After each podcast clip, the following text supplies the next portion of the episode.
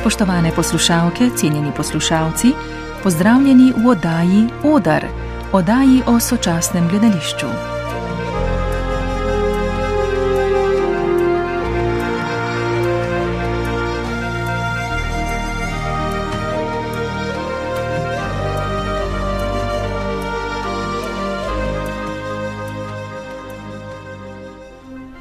Dramaturgija je danes bolj kot kdajkoli umetniško cvetoče polje, ki se po eni strani nenehno širi, po drugi pa ga poseljujejo različni diskurzi in prakse, ki izhajajo iz drugih družbenih in kulturnih krogov. Hkrati s tem, ko opazujemo, kako se je dramaturgija izluščila iz drame, gledališkega odra, črne škatle in celo prizoritve v najširšem umetniškem smislu, lahko sledimo tudi temu, kako na njo vplivajo današnji mediji, kino, splet, upravljanje dela, izobraževalni sistem, popularna glasba, življenski slog, organizacija zaznavanja in pozornosti, pa tudi finančna kriza, protesti, skupščine in samoorganizirane skupnosti, ki so se v zadnjih letih pojavile v Evropi. V besedilu o krajinski dramaturgiji danes zapiše teoretičarka, dramaturginja in režiserka Ana Vujanovič. Z njo se je pogovarjala Saška Rakev, pogovor pa smo prepletli z odlomki iz besedila. Doktorica Ana Vujanovič, preden odpreva vprašanje krajinske dramaturgije, bi vas prosila, da nam na kratko urišete zgodovinski razvoj dramaturgije in naloge, ki jih je imela v različnih zgodovinsko pogojenih kontekstih. Evo da kažem, ako sad razmišljamo o dramaturgiji u nekom širem i malo više istorijskom smislu, Če razmišljam o dramaturgiji v nekem širšem in malce bolj zgodovinskem kontekstu, je zanimivo to, da skozi razmislek o dramaturgiji lahko spremljamo številne druge spremembe v umetnosti in humanistiki od sredine 18. stoletja do danes. Dramaturgija se je izvorno ukvarjala predvsem z dramskimi besedili in organizacijo pomena v njih. Ko smo začeli govoriti o dramskem gledališču, je bila naloga dramaturgije ohraniti pomen dramskega besedila, torej pomen njene zgodbe v predstavi. Predstava je bila tu še vedno sekundarna. Do velikega preobrata je prišlo z režiserskim gledališčem v začetku 20. stoletja, ko je bila režiserju dana velika svoboda, da besedila interpretira na svoj način, da ni več dolžan slediti zgodbi dramskega besedila, tudi ne zgodovinskemu kontekstu, da lahko spreminja pomen. Pozornost se je tako z dramskega besedila preusmerila na predstavo in dramaturgija se je začela ukvarjati s pomensko skladnostjo predstave, kako zgodbo povedati v tem mediju. Pomembne spremembe so se na to zgodile s postdramskim gledališčem od 80. let preteklega stoletja do začetka 21. stoletja. Povezane so z razmišljanji, da pomena ne nosi le zgodba, temveč pomen ustvarja vse, kar naredimo način, kako govorimo, barva glasu, kako glasno govorimo, kako smo videti, kakšni so kostumi, glasba in tako naprej. Dramaturgija v postdramskem gledališču se je tako popolnoma spremenila. To, kar me v zadnjih letih zanima in kar opažam na sodobnih evropskih odrih, mislim na ples, sodobno gledališče, tudi na film, predvsem na tako imenovani slow cinema ali počasni film, pa je to, da se dramaturgija začenja vse bolj ukvarjati z organizacijo izkušnje. Pomen ni več primaren, temveč je na prvem mestu to, kar občinstvo v dani situaciji izkusi. Gre za obrat od pomena k afektu. Na sodobnih evropskih odrih recimo opažam tendenco k ustvarjanju daljših predstav, počasnih predstav, morda v več prostorih sočasno, z občinstvom, ki je tu, ki je prisotno in tako dalje. Prav zato me v teh predstavah zanima krajinska dramaturgija, saj se na nek subtilen način začne ukvarjati s to izkušnjo in razume, da se to izkušnjo lahko organizira. Menim, da je ta logocentrična ideja, da naše misli lahko izrazimo skozi govor, jih zapišemo v besedilu in jih na to izrazimo še na odru, malce napačna slika resničnosti, kajti na odru pravzaprav ustvarjamo novo resničnost. Zdaj pa s katerim urodjem? Krajinska dramaturgija se s tem veliko ukvarja. To je zares zelo zanimivo polje za eksperiment, zelo zahtevno. Zastavlja pa se tudi vprašanje, kako tako hitro usposobiti nove generacije dramaturgov, da se začnejo ukvarjati s tem. Trudim se o tem vse več razmišljati, delovati v tej smeri, tudi zato, ker menim, da je to pomembno tudi v nekem širšem družbenem smislu. V besedilu o krajinski dramaturgiji danes krajinsko dramaturgijo opredelite kot dramaturgijo dogodkov ali situacij, ki nam ne poskušajo več prenesti pomenov, temveč izkušnjo, na artikuliran način. Gre za zelo različne prakse, ki, kot zapišete v besedilu, citiram, ne tvorijo kakega novega gibanja in razlike med njimi so večje kot tisto, kar imajo skupnega, vendar so glede tega, kako organizirajo našo izkušnjo in kako človeka kot bitje in agens umeščajo v svet, med njimi določene podobnosti, konec citata, kar imenujete krajinska dramaturgija. V prizoritvenih postopkih, upisanih v te zelo različne prakse, najdemo zelo zanimive načine organizacije časa in prostora v predstavi. Za ilustracijo poslušajmo odlomek iz vašega besedila. V Spongbergovi oprizoritvi The Internet dramaturgija rekonstruira brskanje po spletu. Njena časovnost ni linearna, temveč se širi skozi vizualno sugestivne miljeje, miljeje, katerih razberljivost ne šteje le v semantičnem registru. Predstava je tam, na odru, jasno prikazana in simbolno ločena od občinstva. Sledimo mreži situacij, v katerih se skupina izvajalcev pogovarja med seboj, gledalci pa komaj kaj slišimo. Izvajalci se preoblečajo in ni nujno, da nam je jasno, zakaj. Njihova skupinska dinamika se spreminja, vendar ji odzivi izvajalcev, ki bi nam lahko ponudili ključ za logiko sprememb, ne sledijo. Odlomek, ki smo ga slišali, je del vašega zapisa o časovnosti kot vizualni kompoziciji, o organizaciji časa in prostora, ki odseva logiko spleta. V besedilu tako spostavite zanimivo razmišljanje o podobnosti in sorodnosti med krajinsko dramaturgijo in postinternetno umetnostjo. Moram da kažem da uh, moja pisanja o pejzažnoj dramaturgiji su dosta eksperimentalna. Moram povedati, da je moje pisanje o krajinski dramaturgiji predvsem eksperimentalno. Nima nekega čvrstega teoretičnega koncepta.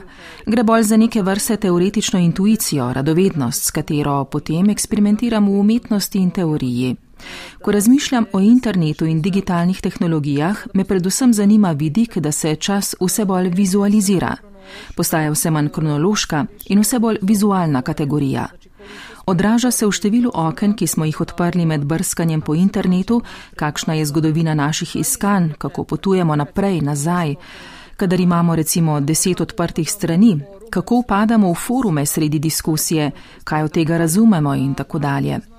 Naši kolegi iz audiovizualnega sektorja vse to dobro poznajo in se s temi vprašanji veliko ukvarjajo, recimo v postprodukciji, kako je čas vizualiziran skozi grafične prikaze. Mene pa zanima, kaj to pomeni za našo izkušnjo časa. Ljudje smo pojem časa organizirali skozi dve osi.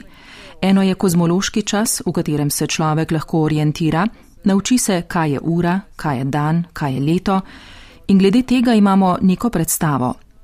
Druga os pa je naš subjektivni občutek časa, predvsem preteklost, sedanjost in prihodnost. Zdaj pa se dogaja, da se skozi vizualizacijo časa te kategorije relativizirajo. V prizoritveni umetnosti je zame prav to velik dramaturški izziv. Dramaturgija se je vedno ukvarjala s časom, kako organiziramo zgodbo ali izkušnjo, kaj je bilo prej, kaj je bilo potem. V tem oziru me je zelo navdihnilo delo ameriško-evropske pisateljice Gertrude Stein, ki je v začetku 20. stoletja veliko eksperimentirala s krajinsko igro. Ko je rekla, mene zanimajo situacije in liki, ki se sočasno premikajo v vse smeri, je podala zelo zanimivo metaforo, v kateri povezuje prostor in čas, oziroma času pripisuje vizualno razsežnost. Za naše pojmovanje prostora in časa je to seveda nemogoče, mogoče pa je kot metafora in kot nek poziv k eksperimentu. Kako lahko s tem, da oprostorimo čas, organiziramo časovnost neke krajine? Poslušajmo odlomek iz besedila.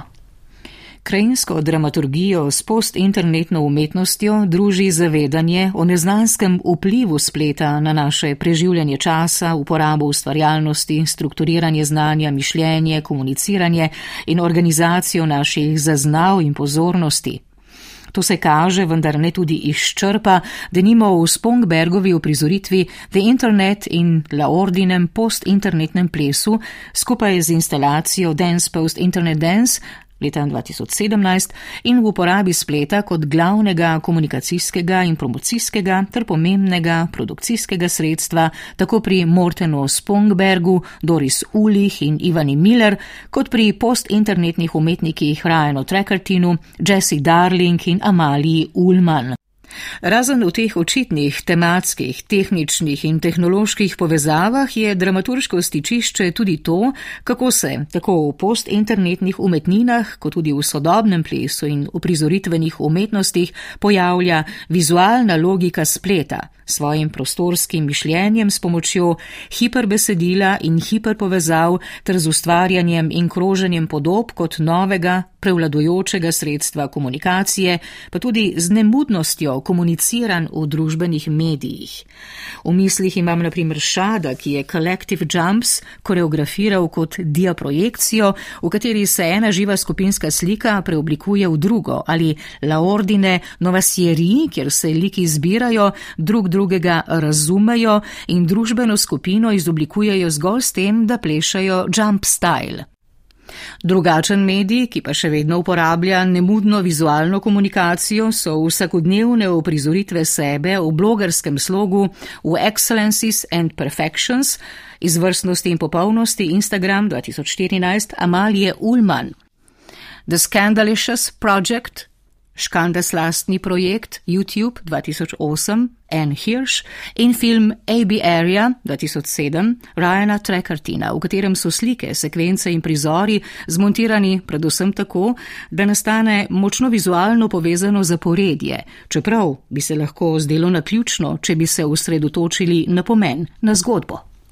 Te prakse, kot pišete, določajo tudi drugačne načine pozornosti in prisostovanja občinstva. Poslušajmo odlomek. Z drugega vidika lahko na to vizualno in prostorsko obravnavo časa gledamo kot na nov predpogoj za prisostvovanje občinstva, za njegovo gledanje in poslušanje, ki je primerljivo z izkušnjo udeležbe na razstavi v galeriji ali muzeju. Navzočnost občinstva v krajinski dramaturgiji, ki po eni strani izhaja iz podobne miselnosti, iz kakršne izvirata postinternetna umetnost in počasni film, bi lahko na področju sodobnega plesa in uprizoritvenih umetnosti videli kot kar najbolj neposreden odmev umeščanja plesa in uprizoritev v muzeje. Te dve prakse praktično nemaju veze jedno s drugom, ali ja vidim vezu među njima. Čeprav med tema dvema praksama, počasnim filmom nasproti hitremu hollywoodskemu filmu in trendom kuriranja plesa in performansa v muzejih, pravzaprav ni povezave, sama njuno stičišče vidim v nekakšnem oprostorjenju dogodkov, zmanjševanju intenzitete in podaljševanju dolžine trajanja. Te tendence so neodvisne, pogosto gredo ena mimo druge, vendar kot rečeno vplive odmeve teh tendenc danes lahko vidimo na uprizoritvenih odrih v Evropi. Številni avtorji razmišljajo o tem, kaj je zanimivo v tej počasnosti, v tem trajanju, zakaj, tudi kadar ni uprizorjen v muzeju, tako dolg dogodek, kaj nam prinaša. Seveda so tu tudi filozofski in družbeno-politični vidiki. Krajinske dramaturgije ne vidim kot izključno umetniško iznajdbo. To, kako umetniki, kakršni so Doris Ulih, Morten Spongberg, Izabele Šat, Sebastian Matijas, Kristin de Smet, Ivana Miller in Lahort, dramaturško pristopajo k svojim nedavnim uprizoritvam, je opisano v družbeni, kulturni in umetniški kontekst, v katerem te uprizoritve ustvarjajo. Če pogledam širše, bi ob tem krajinsko dramaturgijo povezala tudi z nedavnimi protesti, skupščinami in samoorganiziranimi skupnostmi po neoliberalni Evropi, ki so preskušale nove načine zbiranja, povezovanja, navzočnosti in sonavzočnosti. Sad moglo bih malo u širem nekom smislu da govorim o tom takozvanom konceptu multituda. V malce širšem smislu bi lahko govorila o konceptu mnogoterosti ali multitude. V celotnem 20. stoletju se pojavlja kot neke vrste nova družbena sila, prepoznana kot razpršena družbena sila. V teoriji je opisana kot nasprotna narodu, ki gre vedno v smeri nekakšne enotnosti, multituda pa gre v smeri širjenja. Osnovno vprašanje, ki je ostalo odprto pri teh protestih, je, kako multitudo organizirati, ne da bi ponovno pristali v neki piramidni strukturi naroda z vodjo na vrhu, kar se ponovno prevaja v to organizacijo prostora. Menim, da številne od teh predstav, v katerih smo v prostoru vsi skupaj, občinstvo, izvajalci, zastavljajo prav to vprašanje. Kako ta prostor organizirati skupaj, koliko odgovornosti prevzeti za to, kako prostor organiziramo in predvsem, kako prostor organizirati na način, ki ne bo dokončen, kako prostor ponuditi kot predlog in prepustiti občinstvu, da se samo umesti van. V tem nekem družbeno-političnem smislu se mi zdi to zelo pomembno. V nekem morda še širšem filozofskem smislu pa razmišljam o dobi antropocena, Zadnjih 100 ali 150 let, po tem tako kratkem času industrijskega in tehnološkega razvoja, se že soočamo s katastrofalnimi posledicami tega, da človek na planetu igra glavno vlogo. Glede na podnebne razmere in predvidevanja, menim, da moramo začeti razmišljati o tem, kako biti prisoten na Zemlji na malo bolj skroman način.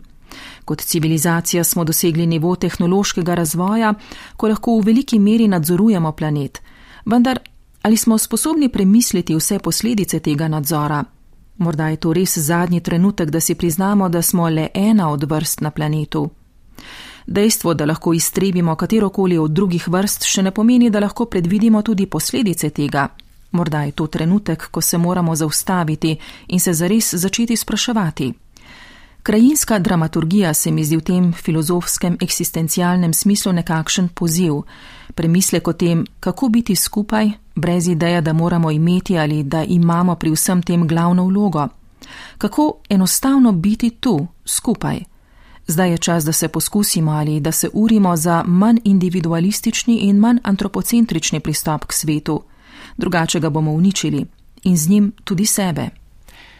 V kontekstu umetniških praks in našega načina prisotnosti v njih, tako pišete tudi o dramaturgiji pozornosti in prisostovanja gledalcev, ki se lahko zdi nezahtevna, lahkotna in pravzaprav precej všečna, izražena je namreč kot povabilo preživljati čas z.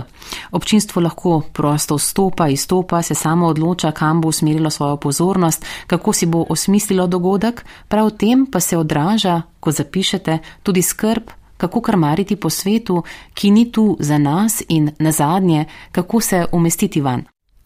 Poslušajmo vašo izkušnjo o predstavi Naten. Naten se dogaja v odprtem prostoru, ki ni razdeljen na gledališki odr in auditorij sedeži. Občinstvo sedi na blazinah in odejah okoli igralnega prostora. Predstava poteka skoraj vso noč, v mračnem in skrivnostnem vzdušju, v katerem je vse počasno ali upočasnjeno. Kot član občinstva si bil skoraj sam drug z drugim, skupaj in sam, skupaj z uprizoritvijo in sam. Bil pa je trenutek, ki je bil zastavljen drugače. To je bil čas za spanje. Plesalci so sedeli na tleh in peli, ponavljali so zelo počasno in nežno, dozdevno ljudsko pesem Asgrevo Going Home, ki je zvenela kot uspavanka. Večina nas je res zaspala in to je bil edini kolektivni trenutek, trenutek, ko se je občinstvo vedlo kot skupina. Drugače pa so obiskovalci svoj prostor čas organizirali vsak zase. Ko sem se ozrla na okolje, sem videla, da se je moški ob meni naslonil na steno, odložil svoj pametni telefon v naročje in zadremal. Moška levo od njega sta sedela v enakem položaju, a strmela na prizorišče. Mlada ženska na moji desni je prebirala knjigo Naten, ki spremlja uprizoritev, kako lahko bere v temi, sem se spraševala. Par nekdanjih hipijev srednjih let pred mano si je prinesel pivo in se žličkal na tleh, tudi jaz nisem vse čas z odprtimi očmi sledila predstavi. Nekaj časa sem bila recimo dovolj radovedna, da sem spremljala plesalca, ki je zapustil skupino in odšel na svojo postajo na odru, kjer je srknil malo vode in bral iz notesnika. Potem me je nehalo zanimati in sem gledala naokrog.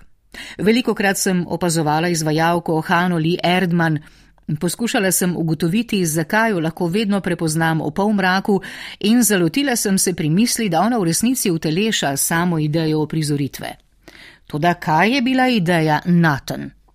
Spet sem opazovala Hanoli Erdman, pleše, kakor da bi sledovi njenih prejšnjih gibov ostajali vidni, kot na fotografijah z dolgim osvetlitvenim časom.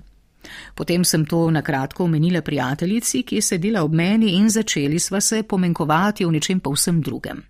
Potem sem se vrnila k videu, kjer je na zaslonu lebdela podoba megle. Enkrat pa sem samo zaprla oči in uživala v poslušanju princove Purple Rain.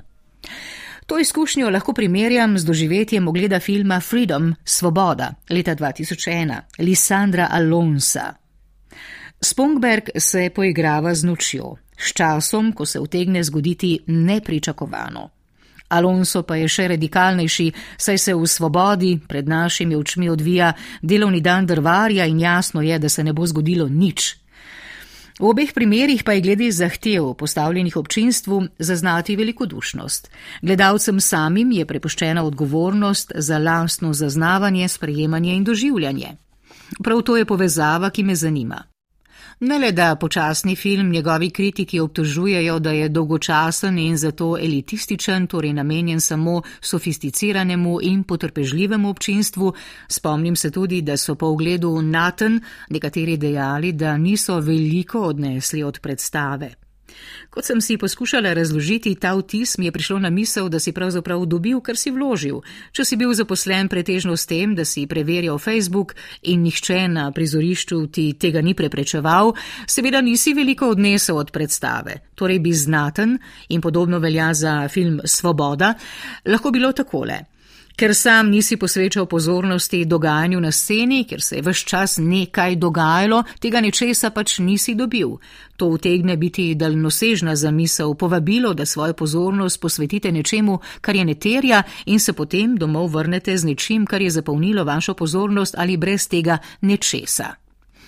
Krajinska dramaturgija je torej enako zahtevna, kot je tudi prijetna, in ko gre za pozornost in prisostvovanje občinstva, jo vidim kot poziv, naj vsak najde lastni tempo bivanja z umetnino in se sam odloči za svojo držo ob njej. Premišljevanje, sprejemanje ali raztresenost. Podobno kot navzočnost na razstavah. Ne le, ko so razstavljene slike in kipi, temveč celo takrat, ko videi zahtevajo veliko več časa, da si jih ogledamo v celoti. Ob časovnosti kot vizualni kompoziciji, ki odraža logiko spleta in načinih organizacije prostora, ki zahtevajo drugačno pozornost, drugačne načine prisostvovanja predstavi, kot smo jih vajeni v bolj konvencionalnih uprizoritvah, pa v besedilu o krajinski dramaturgiji danes, razmišljate tudi o dinamiki in pogojenosti našega pogleda, tako v umetniškem kot v družbeno-političnem kontekstu. Z drugimi besedami, pišete o organizaciji prostora, ki ni organiziran iz ene točke perspektive. To sem v novim tekstovima razvijala kao opet neku metaforu prostor nakon perspektive. Ta prostor po oziroma onkraj perspektive je zame nekakšna metafora, ki sem jo razvijala tudi v novih besedilih. V mislih imam predvsem zahodnoevropski razvoj perspektive od renesanse naprej, se pravi linearno ali geometrijsko perspektivo, ki pogled na svet organizira iz ene osrednje točke. Iz te točke našega gledišča je svet popolnoma skladen, dobro sestavljen in vse nam je jasno. Velika hiša v prvem planu, mala v drugem. A vendar gre za popolnoma lažno predstavo sveta. Hiša, ki je daleč, ni manjša od hiše, ki je blizu. Sonce ni majhna točka v daljavi, temveč je tako veliko, da ga ne moremo niti videti.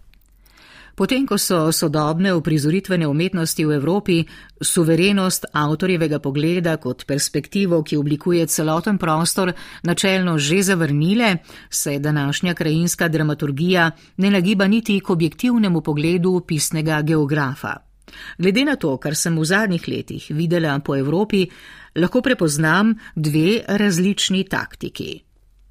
Ena je preklapljanje osebnih pogledov, kar jasno prikazan prostor destabilizira in ga razprši v množico perspektiv in delcev kot v groove space.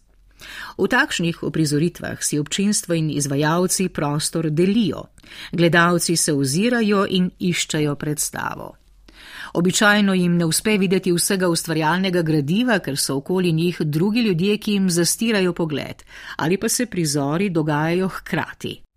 Zaradi oblikovanja občinstva kot množice posameznikov, ki imajo vsi pravico do svojega osebnega pogleda, medtem ko še zmeraj obstaja celota, ki je nihče ne more popolnoma uzreti, bi take in podobne oprizoritve imela za simptomatiko neoliberalne sestave družbe izražene v besednjaku pluralnosti. Ta dramaturška taktika je podedovana od postmodernizma in je zdaj prepletena z družbenim mreženjem in izkušnjo vsakodnevnega življenja pametnih urbanih množic. Zato ni presenetljivo, da na preklapljanje osebnih pogledov lahko naletimo tudi v Excellencies and Perfections Amalije Ullman in The Scandalicious Project Anne Hirsch. Obe oprizoritvi razširja množica instagramskih in youtubovskih objav in klipov, zato sta odprti vsem, vsak ima do njiju oseben dostop in ju lahko v rubriki namenjeni komentarjem sledilcev interpretira. V bolj radikalnih primerjih krajinska dramaturgija uporablja drugačno taktiko. Eksperimentira s popolno odpovedjo osebnemu pogledu na skupni prostor. To lahko vidimo v prizoritvah Mortena Spongberga v Modern Naked ali Boom Bodies Doris Ulih in drugih delih, ki vzbujajo vtis, da niso bila ustvarjena ali mišljena za nikogar posebej. Če se premaknem k kinematografiji, postane taktika še bolj očitna, saj film ne more drugače, kot da ustvari pogled.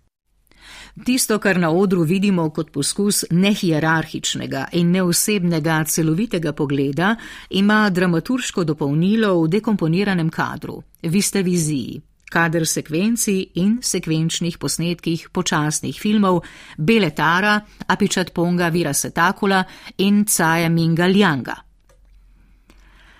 Pasice z znamkami in logotipi, slikarska platna, izvajalci, oblačila in objekti so v La Substance raztreseni po prostoru. Podobno kot plešoča telesa v Modern Naked in Boom Bodies so vsi vaš čas navzoči na prizorišču.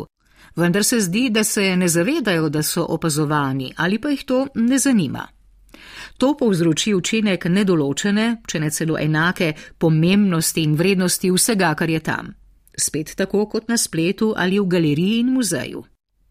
Za sklep bi postavila trditev, da gre pri obeh dramaturških taktikah, pomnožitvi osebnih pogledov in eksperimentiranju z neosebnimi pogledi, za demokratizacijo organiziranja družbenega.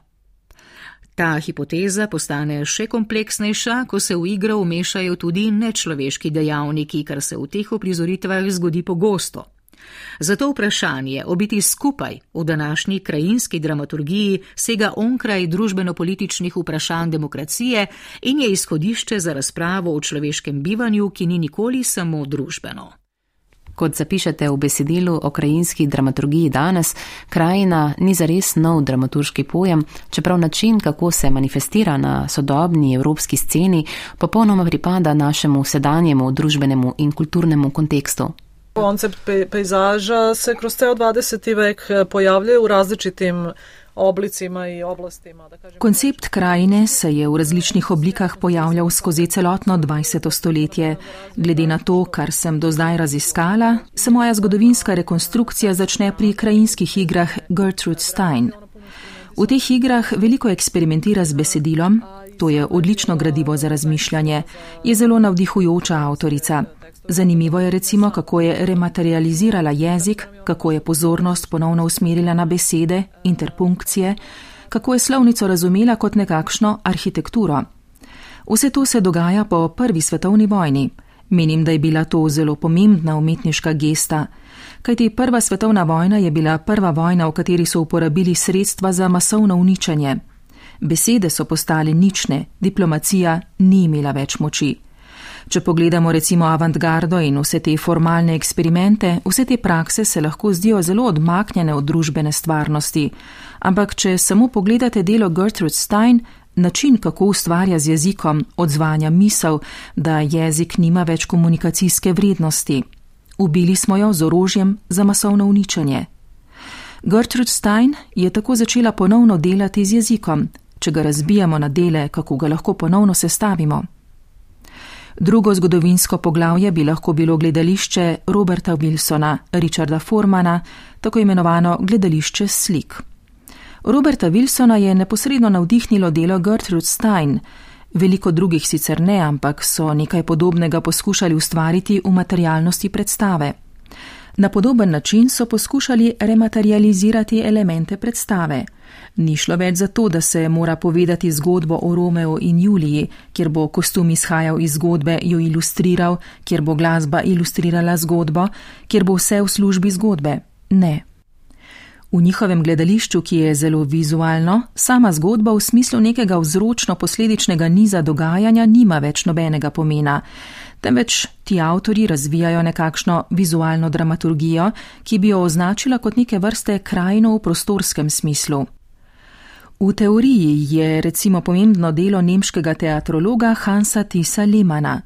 V kontekstu postdramskega gledališča, knjiga je išla konec 90-ih let preteklega stoletja, piše o besedilu predstave.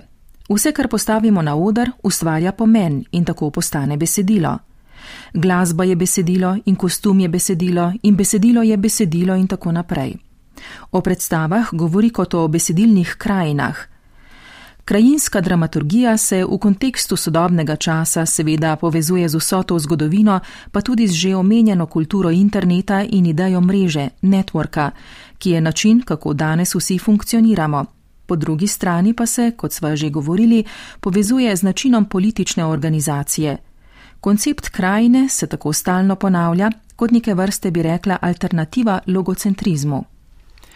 Če naj jim pogovor zaokroživa z vprašanjem širšega družbenega konteksta, ki odzvanja o teh novih dramaturških postopkih, uvodoma ste omenili, da gre v teh praksah pogosto za obrat od organizacije pomena do organizacije izkušnje.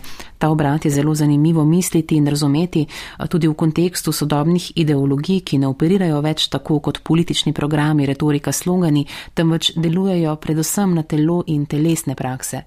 To je tačno. Mm. Uh, sad zato, sad ne znam koliko, je, koliko će vašoj publici to biti zanimljivo, ali ja Tako je. Ne vem, kako zanimivo bo to za vaše občinstvo, a uvedla bi dva izraza. Prvi je performativni obrat in drugi afektivni obrat. To sta dva prelomna trenutka v umetnosti in humanistiki 20. stoletja. Performativni obrat v prizoritveni umetnosti je prenos fokusa z besedila na predstavo. Afektivni obrat pa pomeni, da pomen, ki ga prinaša besedilo, ni več prioriteta, temveč je v prvem planu organizacija izkušnje. Z drugimi besedami gre za usmeritev pozornosti na telesno izkušnjo. V zadnjih desetletjih se zelo pogosto dogaja, recimo v sodobnem plesu ali sodobnem gledališču, da občinstvo pride na predstavo ali gleda film in reče: Nič ne razumem in popolnoma sem izgubljen. To ne pomeni, da je predstava slaba, pomeni samo, da dramaturgiji ni uspelo organizirati izkušnje, da je predstava morda komunicirala le s specializiranim občinstvom, medtem ko širše občinstvo za branje predstave ni imelo pravega urodja. Ta organizacija izkušnje pa se mi zdi zanimiva zato, ker se te stvari dogajajo tudi v življenju, samo da se v zvezi s tem nihče ne sprašuje, samo delujejo na nas ko nam recimo rečejo: Prehoditi je treba deset tisoč korakov na dan, ne smete kaditi, piti morate zelene smutije. Vse to so ideološke operacije in o njih se ne sprašujemo, ker so preoblikovane v male prakse, ki so na pogled koristne. Ko si gremo ogledati predstavo ali film, pa ne pričakujemo utilitarnosti, temveč neko drugo vrsto smisla, sprašujemo se, zakaj se to dogaja. In če prelom s konvencijami pogosto sproži negotovost, tako pri ustvarjalcih kot pri občinstvu, prav te razpoke v pričakovanjih in konvencijah odprejo eno temeljnih vprašanj: kaj je gledališče, kako razumeti, klasificirati ali ocenjevati to, kar se dogaja, in kaj nam to, kar se dogaja, govori o duhu časa in možnostih naše vloge v njem.